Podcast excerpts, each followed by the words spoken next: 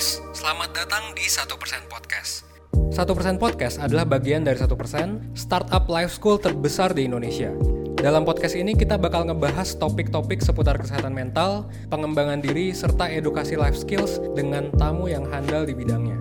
Kami ingin kamu untuk bisa mendapatkan insight baru dan berkembang seenggaknya 1% setiap harinya. So that's all. Enjoy 1% Podcast untuk hidup seutuhnya.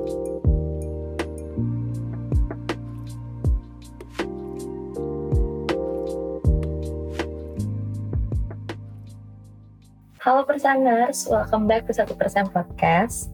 Nah, kalau kalian dengar suara aku, moga-moga ada yang ingat karena aku udah lama banget nih nggak nge-host lagi. Dan di episode kali ini, kalian bakal ditemenin sama aku, Alika, untuk ngebahas topik seru terkait mental health nih.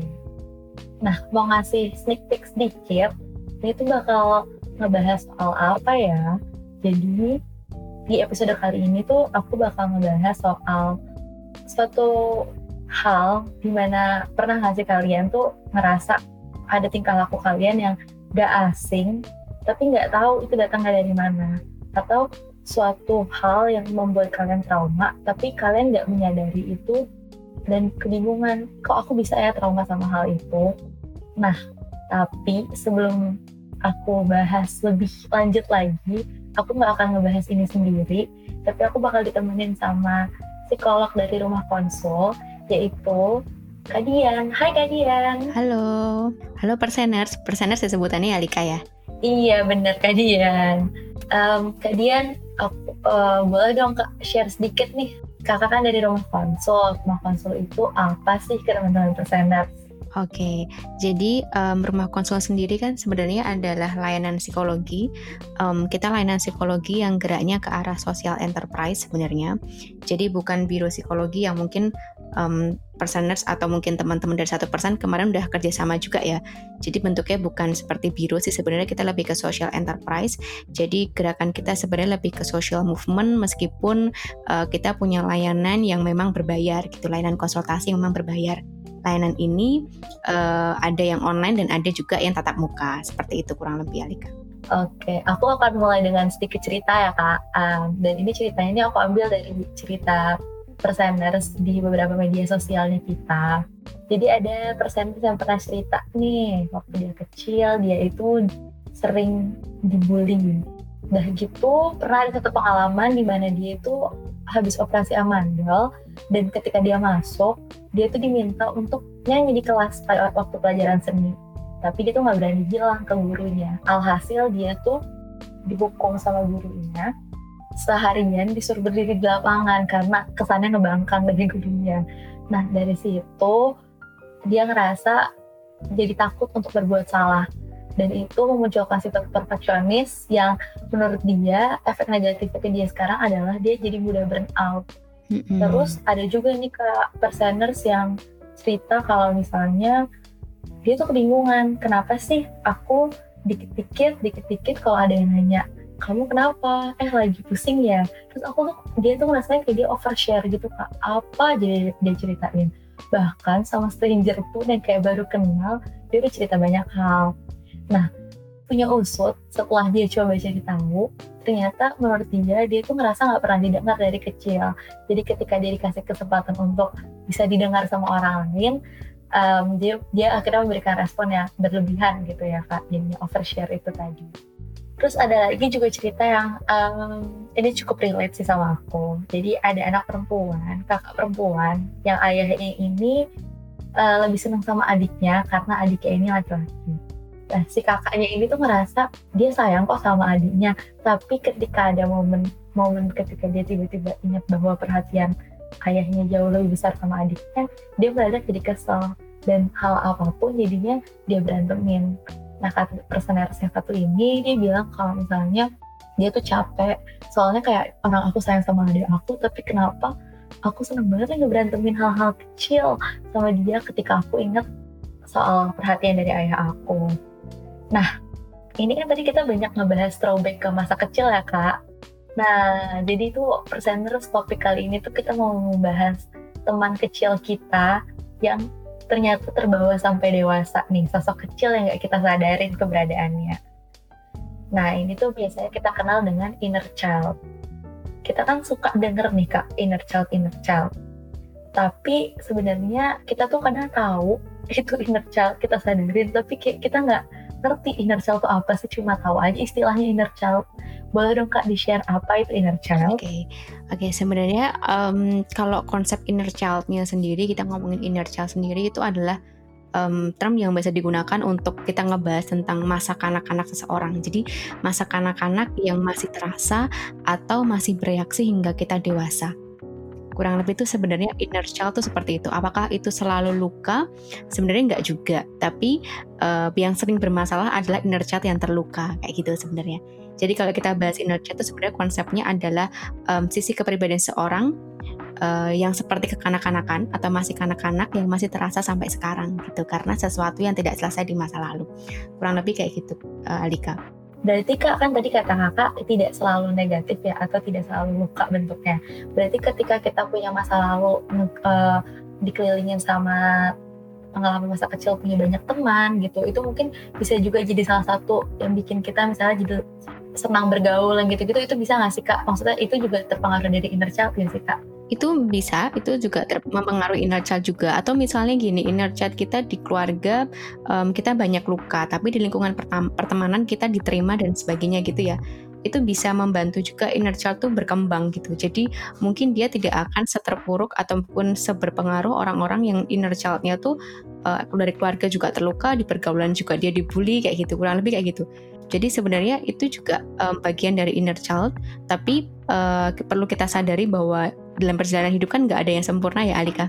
Ya, nggak mungkin ada yang sempurna. Jadi uh, ketika kita ngomongin masa kecil kita bahagia, uh, sometimes nggak 100% bahagia juga. Pasti ada beberapa hal-hal di masa kecil yang um, teringat di kita dan dibawa di masa depan gitu. Makanya uh, konsep pribadi itu berkembang dan sangat wajar ketika seseorang itu bermasalah dengan inner child-nya gitu. Hmm, berarti inner child ini ada di semua orang. Betul. Nah, kalau gitu kak, kenapa sih kita perlu memahami inner child ini? Maksudnya ya udah kalau ada di dalam diri kita, memang kenapa kalau kita cuekin aja inner child ini? Karena memang kadang-kadang inner child yang tadi nggak menyenangkan, inner child yang terluka itu kan lebih enak ketika kita press ya. Ketika kita denial, ketika kita press denial eh, nggak uh, kita sadari gitu kita kan akan lebih nyaman buat diri kita akan lebih akan kita lebih enak. Tapi sebenarnya yang membuat inner chat ini bisa berkembang artinya kita sebagai pribadi tumbuh sebagai dewasa pribadi yang lebih baik itu kan ketika inner chat ini dilepaskan sebenarnya. Luka-lukanya dilepaskan. Nah, jadi kenapa perlu disadari? Karena luka-luka ini ya perlu untuk dilepaskan agar kita bisa berkembang um, pribadi, agar inner chat yang terluka ini juga nggak uh, mempengaruhi kita di masa dewasa, kita juga bisa lebih dewasa kayak gitu. Kenapa perlu di kita tahu? Karena kita perlu lepaskan. Untuk melepaskan itu kan kita perlu menyadari ya. Kita nggak mungkin ngelepasin sesuatu kalau kita nggak sadar inner child kita tuh apa, kayak gitu. Oh oke. Okay. Mungkin aku menangkapnya ini sih ya presenters. Jadi kayak gini ya kak. Jadi kayak kalau kita tidak berdamai, kita nggak mau peduli dengan inner child kita, nih kita akan jadi orang yang sulit memaafkan, sulit berempati, terus kita juga jadinya orang yang rapuh dan sensitif dan ya efeknya akan berpengaruh di kehidupan kita sekarang. Uh, which aku ngeliatnya uh, kalau kita mau genuinely happy, kita tuh harus mau nge-accept dia, mengenal dia dan nanti akhirnya mengolah si inner child ini merangkul dia gitu.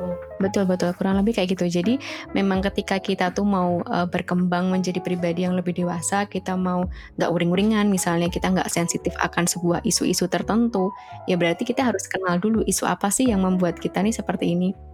Apa sih yang terjadi sama diri kita? dan kita lepaskan itu, peluk itu, terima itu, accept itu kan lebih lebih tepatnya kayak gitu ya. Tapi kalau kita nggak pernah aware, kita nggak peduli gimana kita bisa menelaah ada apa dengan kita gitu kurang lebih. Hmm, Oke, okay. ini menarik banget nih kak bahas soal ini. Um, terus nih kak, kalau misalnya kita tadi udah tahu kita kenapa kita penting untuk memahami itu. Terus nanti kalau misalnya kita udah tahu, kita kan juga pengen tahu nih uh, sebenarnya apa sih yang bikin kita kayak gitu. Jadi sebenarnya apa sih faktor-faktor mempengaruhi inner child kita uh, sehingga kita menjadi kita yang sekarang dan akhirnya kita perlu berdamai dan berkenalan dengan inner child kita supaya kita bisa baik-baik terus ke depannya.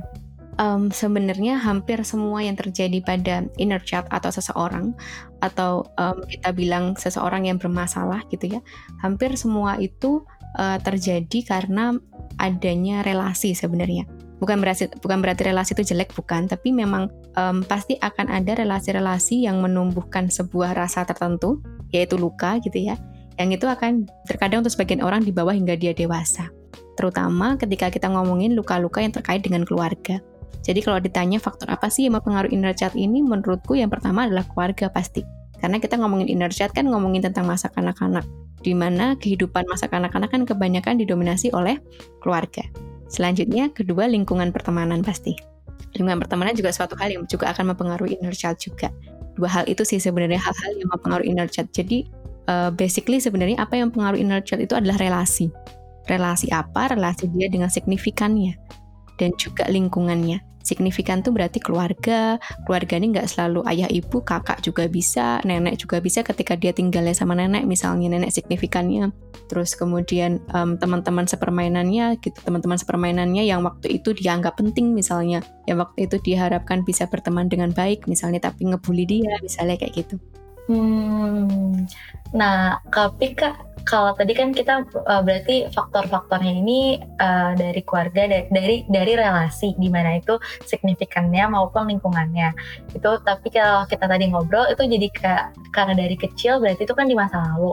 Apakah relasi kita di masa sekarang pun bisa mempengaruhi inner child kita? Oke, okay. ketika kita ngomongin inner child, mm -hmm. um, kan dasarnya basicnya apa sih yang membuat kita menjadi seperti sekarang di dewasa ini gitu ya? Akarnya kalau ibarat pohon tuh akarnya. Jadi kalau ngomongin akarnya di masa kanak-kanak biasanya relasinya kan keluarga um, lingkungan pertemanan dan sebagainya. Kalau pertanyaannya um, kalau lingkungan pertemanan kita yang sekarang tuh apakah juga inner child kita? Jawabannya itu bukan bagian dari inner child sebenarnya tapi itu adalah trigger trigger dari inner child. Jadi agak berbeda ya apa yang terjadi dengan kita di masa sekarang itu ketika itu mengganggu ya benar itu uh, pengganggu tapi itu triggernya tapi akarnya core-nya itu biasanya inner child tuh bagian dari keluarga dan juga signifikannya di masa kecil kayak gitu. Hmm, I see. Jadi aku aku menarik kesimpulan nih dari pertanyaan sebelumnya dan yang saat ini bahwa kenapa penting ya teman-teman perseners dan kajian karena tadi kalau misalnya kita nggak mengenali kita maunya untuk terus berkembang semakin baik tapi jadinya lebih sulit kan. Dan ketika kita uh, udah bahkan maju pun kita tuh bisa ke trigger lagi dan kalau nggak kita selesai akarnya ya dikit-dikit ke trigger dikit-dikit ke trigger jadinya ya nggak selesai-selesai terus stuck aja gitu di situasi yang sama. Mm-mm, betul. Dan akan berkembang terus ya. Maksudnya triggernya kan mungkin um, misalnya Alika sekarang gitu dua tahun lagi mungkin akan ada trigger yang sama. Setahun lagi akan ada trigger yang sama. Kan jadi luka-luka yang bertumpuk ya. Semakin banyak gitu yang harus dikupas dan harus diselesaikan kayak gitu.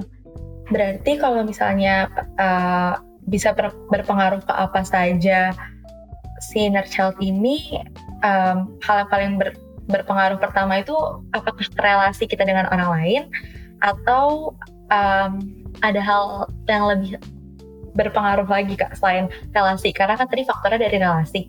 Jadi berpengaruhnya terhadap relasi. Tapi apakah ada bisa berpengaruh ke hal yang lain atau ke mana aja gitu? Nah, jadi kalau ngomongin dampak, apakah dampaknya selalu ke arah relasi? Jawabannya um, sebenarnya enggak sih sebenarnya. Kayak contohnya misalnya uh, tadi uh, yang burnout tadi ya kan? Itu kan um, tadi kalau nggak salah disalahkan ya. Benar ya Alika ya? Aku agak koreksi dikit yeah. sama tanya tadi ya. Disalahkan terus dia burn out burn out itu kan bukan relasi ya? Itu kan bagian dari diri dia ketika dia bekerja. Jadi sebenarnya akibatnya itu tidak hanya terkait dengan uh, misalnya kamu di disakitin sama orang gitu ya uh, diremehkan dan sebagainya. Kemudian relasi kamu jadi sering diremehkan gitu. Bukan seperti itu arahnya tapi diremehkan ini tuh membuat apa gitu Misalnya tadi disalahkan itu membuat apa? Membuat dia jadi misalnya takut dinilai salah, membuat dia selalu ingin menampilkan yang sempurna. Impactnya itu misalnya. Berarti ke depannya di masa dewasa biasanya yang terjadi dia tuh akan gampang nervous ketika harus menampilkan sesuatu. Baik itu yang terpampang dia sebagai public speaker misalnya, ataupun yang dia bekerja, dia bekerja akan cepat burn out, cepat pusing karena dia tuh merasa kerjaannya nggak beres-beres karena bayang-bayang takut disalahkan rasanya yang dulu di inner child itu terasa terus gitu Alika Jadi kalau ngomongin akibatnya, akibatnya tuh nggak selalu relasi, tapi tadi aku ngomongin faktornya. Faktornya itu kan ketika dia disalahkan berarti relasi dia dengan orang tua ya. Relasi dia dengan guru kak. Oh dengan guru, sorry, iya oke, okay. guru. Hmm, tapi biasanya ketika ditarik di belakang, mungkin nanti yang cerita itu perseners ya bisa dicek lagi. Biasanya ketika ditarik di belakang nanti dari orang tua juga ada kaitannya. Gitu. Oh. gitu. Karena guru itu bukan berarti meremehkan guru, tapi guru itu signifikan tapi belum terlalu kuat kan.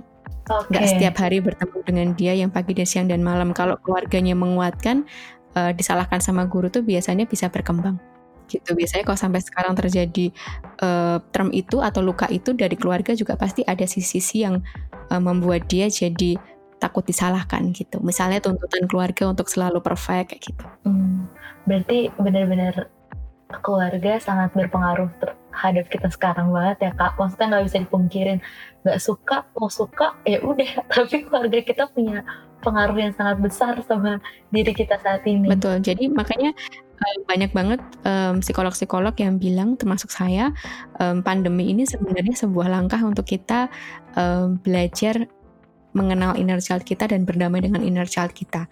Karena kebanyakan sebagian besar, meskipun nggak semua ya, sebagian besar kan terpaksa harus sering di rumah. Terpaksa harus sering berinteraksi dengan keluarga dan itu sebenarnya salah satu cara untuk kita ya coba untuk berdamai gitu dengan kita meluangkan waktu dengan keluarga gitu. Oke, okay, bener sih. Aku juga, aku pribadi juga merasa kayak gitu sih kak. Maksudnya, um, aku aku banyak berkomunikasi sama diri aku sendiri. Tapi itu kayak ya udah secara personal aku dan diri aku. Tapi ketika sekarang di rumah, jadi bener banget ini kesempatan untuk banyak-banyak berkomunikasi dan uh, merangkul si teman kecil aku ini, si inner child aku ini gitu. Nah, terus ketika kita udah mengenal, kita udah sekarang kita udah tahu fighter child, kita udah uh, memahami kenapa itu penting gitu, dan kita tahu bahwa itu bisa berpengaruh ke mana ke mana dan ke mana. Nah, bagaimana sih uh, cara kita menyikapi inner child ini? Atau bagaimana cara kita berdamai dengan si inner child ini? Kalau ngomongin gimana sih cara kita berdamai sama inner child, nggak um, bisa dipungkiri juga satu hal yang menjadi dasar adalah kita mesti tahu, kenal, dan menyadari dulu gitu. Inner child kita tuh apa? Atau isu apa dalam diri kita? Apakah iya kak kita harus flashback ke belakang? Nggak mulai dari situ juga nggak apa. Bisa juga teman-teman mulai dari kira-kira nih yang currently gitu terjadi sama teman-teman tuh apa sih yang isu yang paling membuat teman-teman um, kayak merasa kalau ditembak isu itu tuh jadinya kita jadi bermasalah gitu. Yang awalnya baik-baik aja jadi bermasalah. Contohnya nih ya yang sering terjadi adalah harga diri. Ya itu uh, satu case yang banyak banget gitu yang terjadi sama orang-orang. Biasanya harga diri, harga diri itu meliputi misalnya uh, diremehkan, terus kemudian dibandingkan kayak gitu ya jadinya nyentuh ke self nih nyentuh ke harga diri kita. Nah akhirnya ketika misalnya kita mengalami sebuah peristiwa keadaan sekarang ketika kita sedikit aja dibandingkan sedikit aja diremehkan bahkan mungkin mengalami peristiwa yang sebenarnya nggak ada yang membandingkan tapi kita sendiri yang menginterpretasikan itu kita dibandingkan gitu ya. Kita jadi lebih bermasalah atau uring-uringan gitu ya jadi nggak seperti biasa gitu. Sikap kita nggak seperti biasa kita juga jadi orang lain lah kita juga jadi uh, istilahnya nggak produktif bermasalah dan sebagainya. Nah itu salah satu isu yang coba kita kenali. Oh ternyata uh, isu harga diriku tuh uh, jadi jadi isu sensitifku. Dan yang paling menonjol adalah ketika aku dibandingkan misalnya. Hmm. terus kita tarik lagi ke belakang dulu. Waktu aku kuliah pernah nggak mengalami hal ini yang sama aku dibandingkan atau ada case-nya mungkin case-nya nggak selalu dibandingkan tuh dalam hal pekerjaan ya. Kita misalnya contohnya uh, aku ambil kasus um, beberapa klienku aja diselingkuhin aja. Ya diselingkuhin kan sebenarnya bukan bagian dari dibandingkan ya. Iya. Gitu pada beberapa orang sometimes yang menjadi sakit hati itu bukan karena uh, seseorang yang menyelingkuhi kita bukan karena kita, kita gimana gimana sama dia enggak gitu. Bukan karena kita nggak bisa tanpa dia bukan mungkin. Tapi karena kita ngerasa dibandingkan jadi sometimes hati diri kita tuh kena. Nah itu kan kita jadi bisa evaluasi. Oh iya dulu pada waktu aku diselingkuh itu aku kayak uring-uringan banget. Jadi nggak bisa kuliah, jadi nggak bisa ini itu itu. Sebenarnya apa yang terjadi sama diriku waktu itu? Iya aku ngerasa dibandingin misalnya. Padahal nggak ada yang bandingin sebenarnya diselingkuhin. Ya, tapi kita ngerasa dibandingin misalnya kayak gitu. Jadi kadang mengambil isu pun kita bisa sambil menelaah pada cerita-cerita yang mungkin nggak terkesan um, dibandingkan, tapi peristiwa itu tuh peristiwa yang kayak membuat kita tuh benar-benar jatuh banget. Itu apa sih yang terjadi gitu? Hmm. kayak gitu. Nah itu ditarik ke belakang terus sampai akhirnya uh, kita menemukan. Biasanya sih memang ketika narik ke belakang yang banget itu tuh butuh bantuan profesional memang. Oke. biasanya. Mm-mm. itu pakai kita kadang-kadang pakai alat tes dan sebagainya. Tapi kalau misalnya em, teman-teman bisa beberapa peristiwa aja tiga atau empat peristiwa yang terjadi di hidup teman-teman terus kemudian teman-teman sadari paling nggak isuku itu kemudian em, teman-teman lihat ketika di rumah itu apakah itu terjadi apa enggak? Apa teman-teman eh, ngerasa dibandingkan apa enggak misalnya? Contohnya gitu. Ataukah em, keluarga teman-teman selalu berusaha me- menuntut teman-teman untuk jadi yang terbaik misalnya. Itu kan membandingkan secara nggak langsung ya sebenarnya menuntut menjadi yang terbaik kayak gitu misalnya. Atau eh, mungkin keluarga teman-teman biasa aja tapi mereka tuh akan terlihat bangga ketika teman-teman berprestasi ketika teman-teman jadi nomor satu. Akhirnya terbentuk nih mindset di teman-teman bahwa aku harus seperti ini aku harus jadi yang terpilih harus jadi yang terbaik gitu. Itu juga bisa bagian dari dibandingkan sebenarnya. Nah ketika kita udah nemu nih apa baru kita mulai terima terima pada keadaan diri kita yang dahulunya seperti itu atau minimal kita menerima bahwa kita punya isu itu. Bahwa kita nggak suka kalau dibandingkan bahwa kita eh, harga diri kita tuh nggak bisa kalau disentuh dengan dibandingkan kayak gitu. Minimal kita kenal dan menerima itu dulu. Kenapa tadi aku bilang menerima dan mengenal Alika? Karena ketika kita eh, kenal dan kita terima itu kita mulai bisa untuk belajar untuk memaafkan itu atau berdamai dengan itu gitu ya. Karena kita sudah kenal dan juga em, dan juga menerima gitu. Tapi ketika kita belum kenal dan kita belum terima sometimes untuk kita memaafkan itu akan lebih susah. Gitu yang yang yang pertama itu ya. Pertama menyadari kemudian menerima. Selanjutnya aku pernah bilang juga ini ke beberapa orang em, salah satu cara sebelum kita berdamai dan memaafkan adalah em, coba kita berempati menjadi orang yang melukai kita gitu Contohnya misalnya ketika kita ngomongin inner child dan di, kita dibandingkan oleh orang tua kita, coba kita pahami apa sih sebenarnya yang terjadi sama orang tua kita, kenapa dia membandingkan kita. Mungkin maksud hati orang tua kita tuh tidak bermaksud melukai kita, tapi mereka em, tidak teredukasi ataupun mungkin tidak sengaja mengatakan hal yang itu em, melukai kita. Iya, ini aku banyak sih kak em, teman-teman aku yang maksudnya em, memang mendapat tuntutan yang besar dari orang tuanya gitu. Dan aku sih melihatnya kadang itu agak terlalu kasar atau terlalu keras. Dan sebenarnya tapi kalau misalnya ditanya enggak. Ya mama sama papa tuh maunya ngedidik kamu supaya kamu jadi lebih baik lagi. Kamu termotivasi memang. Tapi tadi ya kayak yang tadi kak Dian bilang bahwa caranya memang yang kurang tepat. Jadi akhirnya malah menimbulkan luka Jadi memang perlu banget sih buat kita kayak kenal, kita coba untuk empati dari orang yang melukai kita siapa pun itu ya, orang tua atau mungkin ketika teman-teman pernah dibully dan sebagainya itu kita coba berempati sama mereka gitu. Walaupun mungkin untuk beberapa keadaan terkadang berempati sama orang yang melukai kita tuh kayak susah gitu ya untuk masuk logika kenapa dia sampai melukai kita gitu. Cuman itu kita perlu lakukan agar kita bisa uh, paham gitu bahwa mungkin bukan cuman mereka itu uh, nggak bermaksud melukai kita pada beberapa kasus juga mungkin uh, orang yang melukai kita ini sedang bermasalah juga gitu ya. Mungkin orang tua kita bukan dari orang tua yang harmonis misalnya gitu ya mungkin jadi uh, mungkin single parent gitu jadi di, um, otomatis juga sambil bekerja uh, pikirannya banyak, tuntutan pada diri ibu ini banyak misalnya, jadi mungkin dia nyeplus hal-hal yang membuat anak terluka misalnya, gitu ya. Gitu. Jadi sometimes tuh ada hal-hal yang perlu kita pahami, atau misalnya orang yang ngebully kita. Uh, mungkin terkadang orang yang ngebully kita tuh sebenarnya mereka sedang mencari perhatian atau mencari penerimaan dari teman-teman lainnya, gitu ya. Dia mencari kita sebagai korbannya. Nah, hal-hal seperti itu terkadang perlu kita uh, pahami atau perlu kita coba uh, telusuri atau perlu kita coba maknai gitu agar kita tuh bisa empati sama mereka dan akhirnya kita memaafkan mereka. Karena ketika kita tuh nggak pernah paham bahwa mereka itu sebenarnya nggak sejahat itu akan susah buat kita memaafkan. Ya jadi aku bilangnya sih empati itu satu hal yang penting sih buat kita untuk um, bisa memaafkan orang lain gitu. Dan uh, poin highlightku adalah ketika kita memaafkan orang lain sebenarnya kita tuh bukan sedang uh, mengurangi beban dia enggak gitu. Tapi sebenarnya kita sedang mengurangi beban kita sendiri gitu. Jadi kita sedang membebaskan dia kesalahan dia dari diri kita yang akhirnya mengurangi beban kita. Gitu yang membuat isu kita mungkin uh, bisa jadi trigger itu akan terus ada atau masih ada gitu tapi intensitasnya akan berkurang berpengaruhnya ke diri kita. Gitu. Jadi sebenarnya memaafkan itu bukan untuk dia yang melukai kita tapi untuk diri kita sendiri. Kita gitu, kurang lebih Alika gitu ya cara, cara berdamai salah satunya adalah memaafkan ini poin yang baru sih yang soal memaafkan. Uh, dibanding mungkin tadi yang coba untuk menelaah lalu belajar menerima gitu ya. Ini uh, uh, somehow jauh lebih susah karena eh susah aja untuk memaafkan. Dan tadi ya kita harus berempati untuk hal yang eh, itu tuh ngelukain kita loh. Tapi aku diminta untuk memahami dan berempati dan nanti akhirnya memaafkan. Meskipun ya efeknya memang untuk diri kita sendiri ketika kita memaafkan. Kayak tadi yang kalian bilang yang berkurang itu adalah beban kita gitu. Bukan bebannya dia mungkin malah dia masih punya masih punya perasaan yang gak enaknya tapi kitanya kayak oh ya udah aku jadi jauh lebih bisa nerima ini. Betul. Dan sebenarnya kontrak kontrak manusia itu kan um, ini juga buat personers juga buat Alika dan semuanya juga um, uh, kontrak manusia di dunia ini kan sebenarnya dengan Tuhan ya? Iya. Jadi bukan dengan manusia.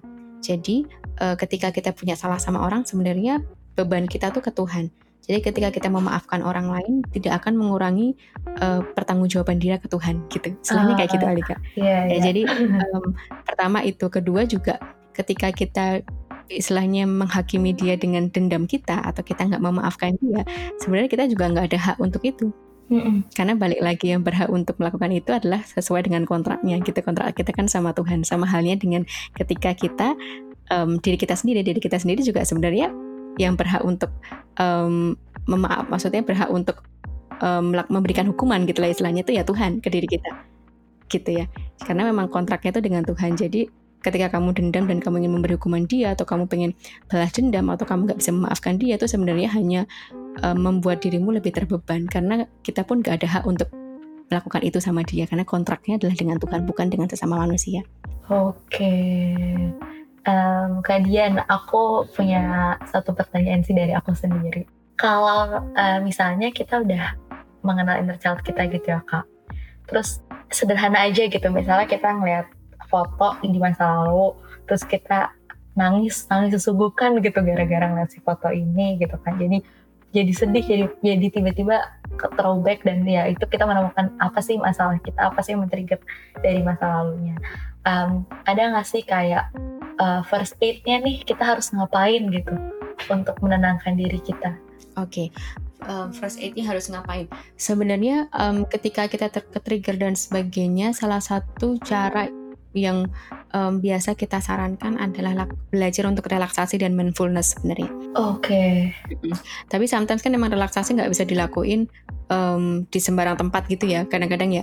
Tapi minimal relaksasi nafas itu bisa gitu ambil space sebentar ketika kamu dilukai ambil space sebentar dalam diri gitu ya terus kemudian um, uh, kalau misalnya kamu perlu ke belakang ya kamu ke belakang sebentar untuk mengambil space ke diri. Tapi kalau nggak perlu ya bisa kamu lakukan dalam hati gitu. Kemudian coba bawa dirimu untuk lebih um, mindful dan relaksasi gitu. Minimal mindful dan relaksasi itu minimal kamu kayak kenal dan paham bahwa oh um, aku lagi ke trigger nih. Oke berarti aku harus coba tenangkan diriku dengan aku ambil space. Aku ambil space sendiri dari orang-orang yang mungkin saat itu men-trigger aku gitu. Jadi ngambil space sementara itu nggak ada salahnya sebenarnya karena itu adalah salah satu cara untuk kita mengelola trigger kita. Oh oke. Okay. Nah kalau relaksasi relaksasi relaksasi ini ya kak, um, aku pernah baca gitu salah satu uh, jurnal yang bilang bahwa bisa nih dengan uh, dengan latihan pernafasan 4, 7, 8 jadi kayak 4 itu 4 detik tarik nafas 7 itu 7 detik tahan dan 8 itu um, 8 detik menghembuskan nafas. Um, sebenarnya apakah ini bisa juga menjadi salah satu first aid-nya ketika situasi itu terjadi? Karena aku sendiri pun sebenarnya belum pernah nyoba sih. Aku baru baca aja gitu. Bisa sebenarnya tapi memang tadi um, ketika kamu sedang dilukai tiba-tiba gitu ya kamu lagi di sebuah forum terus kamu dilukai sometimes uh, metode itu tuh nggak bisa dilakukan practically gitu. Ya itu itu sih. Tapi sebenarnya ketika kamu di meja konseling akan dilakukan psikolog pertama kali adalah itu. Gitu karena itu akan uh, lebih menenangkan. Maksudnya setelah bercerita ya sebelum mulai terapi biasanya kita pasti lakukan relaksasi. Jadi sebenarnya relaksasi itu bisa dilakukan tapi mungkin lebih tepatnya ketika misalnya um, kamu udah ke trigger nih kamu udah mengelola udah ambil space tapi masih terasa ketika kamu pulang di rumah kamu lakukan itu bisa aku ngebayanginnya ketika itu masih di forum kan gak mungkin ya kita relaksasi ngitungin gitu. Iya. ya, itu sih sebenarnya. Jadi um, sebenarnya relaksasi itu bisa dilakukan, bisa jadi first aid juga, cuman mungkin uh, lebih tepatnya kita ngambil space untuk melakukan itu gitu ya. Jadi misalnya contohnya pada saat kamu terluka di forum, kamu ambil space pada dirimu sendiri, kamu tetap nggak bisa fokus, coba ke toilet, di toilet kamu bisa lakukan itu misalnya. Okay. Relaksasi baru kemudian kembali ke forum misalnya kayak gitu. Contohnya kayak gitu. Tapi ketika misalnya um, kamu ngambil space nggak perlu sambil relaksasi, tapi kamu coba tenangkan dirimu dan itu udah cukup, nggak perlu ambil space secara fisik ya, secara fisik di luar eh, orang-orang uh, yang men-triggermu, ya itu nggak apa-apa gitu. Jadi um, kayak tergantung dari seberapa trigger itu dan seberapa coping kita sudah mulai terbiasa. Kadang-kadang untuk orang-orang yang udah terbiasa uh, mengelola trigger ya dia ambil space-nya nggak perlu ke tempat lain gitu. Nggak perlu cari tempat lain secara fisik tapi dia bisa mengelolanya. Tapi untuk uh, pertama-tama biasanya kita perlu ambil space keluar, nggak apa-apa itu. Wah, perseners ini kayak pembahasan yang sangat menarik. Aku sih senang banget ngebahas ini gimana kayak tadi bahwa di dalam diri kita tuh ada sosok kecil yang terbawa sampai kita besar. Jadi kalau kita suka ngomong ah gue udah besar ya enggak juga tuh. Ternyata sebenarnya ada loh sosok kecil di dalam diri yang terus ikut sampai kita dewasa. Dan uh, menghadirkan mengenal menyadari dan akhirnya menjalin komunikasi sama si sosok kecil ini tuh ternyata punya pengaruh yang penting juga untuk kehidupan kita uh, saat ini dan ke depannya tentunya. Um, Kak, ini satu lagi, satu lagi pertanyaan dari aku sebelum kita mengakhiri podcast ini. Kan sering kali atau teman-teman perseners ini uh, biasanya pak remaja gitu ya kak kita kalau ada masalah ya cerita sama temen nah terkait inner child ini sebenarnya bisa nggak sih terbantu dengan cerita sama temen gitu oke okay. um, terbantu ketika kita cerita sama teman bisa apa enggak uh, jawabannya sebenarnya cerita sama teman tuh kan bagian dari kita mengekspresikan emosi kita, uh, mengeluarkan energi negatif kita, gitu. Kemudian juga uh, istilahnya membuat kita juga ngerasa nggak sendiri ya, karena ada orang yang mendengarkan kita gitu. Jadi jawabannya itu bisa nggak sih um, mengobati inner chat? Ya mungkin nggak 100% ya, karena kadang-kadang kan temen juga nggak semuanya bisa mengelola dan membawa kita ya membawa kita untuk mengenal inner child dan sebagainya. Yang pertama itu kalau mengobati mungkin nggak nggak 100% tapi minimal dengan kamu bercerita tuh kamu ngerasa nggak sendiri dan kamu ngerasa kayak um, punya cara atau punya wadah untuk kamu mengekspresikan emosi negatifmu gitu ya untuk mengeluarkan emosi negatifmu sehingga paling nggak luka-lukanya berkurang gitu. Makanya banyak yang uh, banyak riset yang bilang ketika kita tuh bercerita gitu ya mudah buat cerita sama orang itu lebih um, sehat mental gitu Kenapa? Karena energi negatif kita kayak terkuras sedikit demi sedikit. Makanya uh, gini Alika, banyak orang yang mengalami gangguan mental itu ditarik ke belakang mungkin permasalahannya itu dari keluarga adalah dituntut keluarga misalnya gitu ya dituntut oleh keluarga misalnya dan kemudian ada peristiwa-peristiwa yang men-trigger dia hingga akhirnya dia mengalami gangguan mental tertentu misalnya um, entah itu bipolar, entah itu depresi, entah itu schizophrenia gitu yang parahnya gitu ya tapi sebenarnya ada juga si B, si B ini juga mengalami hal yang sama, mengalami peristiwa yang kurang lebih sama, tuntutannya juga kurang lebih sama. Tapi si B ini nggak mengalami gangguan mental seberat si A misalnya. Kenapa? Sometimes terjadi karena si B ini mudah untuk bercerita. Hmm. Jadi energi negatifnya terkuras sedikit demi sedikit. Akhirnya dampaknya di masa dewasa ya mungkin ada sisi inner childnya pasti ada, pasti ada sisi berdampaknya, tapi nggak se mengganggu atau nggak se patologis gitu ya bahasanya nggak segangguan di si A gitu. Karena si A ini lebih ke merepress dan dia nggak cerita. Jadi analoginya sebenarnya kayak gitu membantunya dari sisi seperti itu. Membuat keadaanmu lebih baik dan uh, gangguan mentalnya ataupun uh, si kontribusi inner chat ini ataupun dampak dari inner chat ini nggak sebesar ketika kamu nggak mudah cerita gitu. Aku senang banget sama bahasan ini dan aku senang sih tahu bahwa sebenarnya bahwa buat teman-teman perseners dimulai dari bercerita itu udah bisa ngebantu diri kita sendiri dan um, efek panjangnya ya tadi kayak salah satu contoh yang dikasih kajian bahwa si B juga punya kondisi yang sama di waktu kecil, waktu tertarik ke belakang gitu. Terus di masa sekarang tapi dia jauh lebih bisa gangguannya patologinya jauh lebih kecil gitu ya daripada si A ya karena dia bisa bercerita. Jadi teman-teman bisa kok maksudnya dimulai dari bercerita, gak usah bercerita sama orang lain mungkin bercerita sama diri sendiri atau sama boneka kah? Yang penting kalian bisa mengeluarkan, mengekspresikan emosi kalian gitu karena itu udah efeknya sangat banyak sangat signifikan untuk diri kalian. Ya, aku aku nambahin sedikit boleh kali ya Alika ya sebelum ditutup boleh, juga. Boleh jadi kalau ngomongin analogi bercerita juga, aku punya satu analogi. Ini analoginya sering aku sampaikan di mana-mana. Kalau kita ngomongin tentang bercerita tuh kayak gini, manusia yang mengalami sebuah gangguan, itu gangguan nggak selalu gangguan mental yang sampai uh, gangguan jiwa ya teman-teman. Gangguan apa aja gitu. Gangguan tuh ketika kita habis di, habis putus atau habis diselingkuhin atau habis uh, misalnya kuliahnya bermasalah misalnya gitu ya. Itu kan pasti ada sesuatu yang mengganggu diri kita gitu ya, membuat kita jadi nggak nyaman gitu. Nah, pada waktu manusia seperti itu itu ibaratnya seperti bak mandi yang keruh sebenarnya. Bak mandi yang keruh itu kan mau kalian isi dengan air jernih seperti apa pun akan tetap keruh.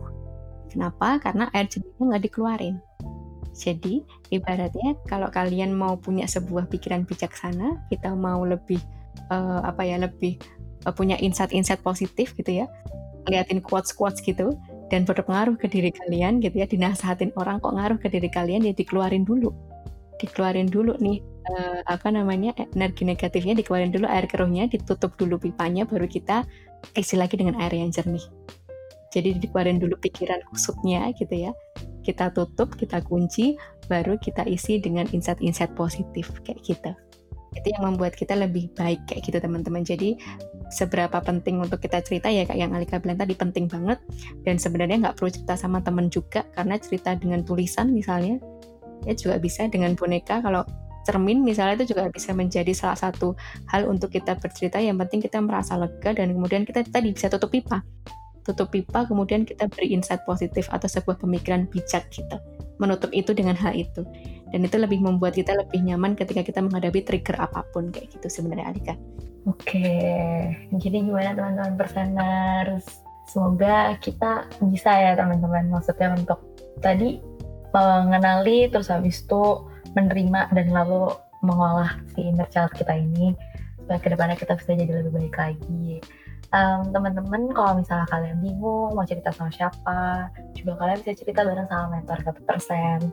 Kalau kalian juga ngerasa atau kenal teman-teman yang mungkin memang udah um, kondisinya mengganggu sampai mengganggu keseharian mereka kalian bisa um, ke Instagram rumah konsul atau juga ke website satu persen dan konseling bersama psikolog satu persen ini sih uh, di satu persatu ada kak. Jadi kayak ini kelas online yang isinya tuh tips gitu berdamai dengan diri sendiri. Dan ini dan ini tuh bisa diakses terus menerus jadi teman-teman perseners juga bisa mengakses itu. Um, kalau misalnya memang merasa aku tuh tipikal yang lama jadi aku butuh sesuatu yang berkepanjangan ya bisa. Tapi intinya teman-teman um, dari aku ngobrol sama kalian ini um, namanya anak kecil ya. Anak kecil itu ya nggak bisa kita biarin terus dia nanti nyelesain sesuatu sendiri. Bukan kayak gitu memang uh, hakikatnya anak kecil itu ya memang perlu didampingin untuk dia uh, terus berkembang nantinya. Dan akhirnya jadi bisa sendiri gitu mampu uh, lebih baik untuk ngelakuin suatu hal. Jadi balik juga ke inner child kita ya dia nggak bisa cuma diabain terus nanti kayak tadi di awal kalian bilang um, terluka terluka terluka dan akhirnya nanti uh, bertumpuk terus pecah gitu. Nggak bisa. Karena memang kita uh, baiknya adalah merangkul dia uh, berteman dengan dia dan ya udah nanti ke depannya kita bisa menjadi jauh lebih baik lagi.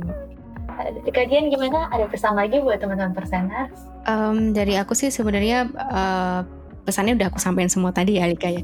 Jadi kurang lebih hampir sama seperti Alika bilang bahwa um, uh, ketika kita ngomongin inner child, semua orang tuh punya inner child, gak cuman orang yang bermasalah aja, semuanya punya dan semuanya tuh juga punya isu sensitif gitu. Jadi ketika kita ngomongin bercerita ke profesional, ke psikolog gitu ya, atau ke konselor lah mungkin ya kalau nggak psikolog, itu sebenarnya bukan hanya untuk orang-orang yang bermasalah atau untuk orang-orang yang gangguan jiwa dalam tanda kutip gitu ya Alia, tapi juga ke siapa aja karena semua orang itu pasti punya isu sensitif. Nggak mungkin dalam setiap kehidupan tuh kita nggak punya isu sensitif. Semua orang pasti punya. Jadi untuk kita bercerita dan berkonsultasi dengan tujuan untuk mengembangkan diri itu adalah sesuatu yang wajar. Sama aja kayak kita les sesuatu gitu.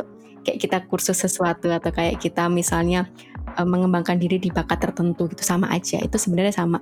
Bedanya ini yang dikembangkan adalah personality diri kita pribadi kita untuk lebih baik kayak gitu hmm.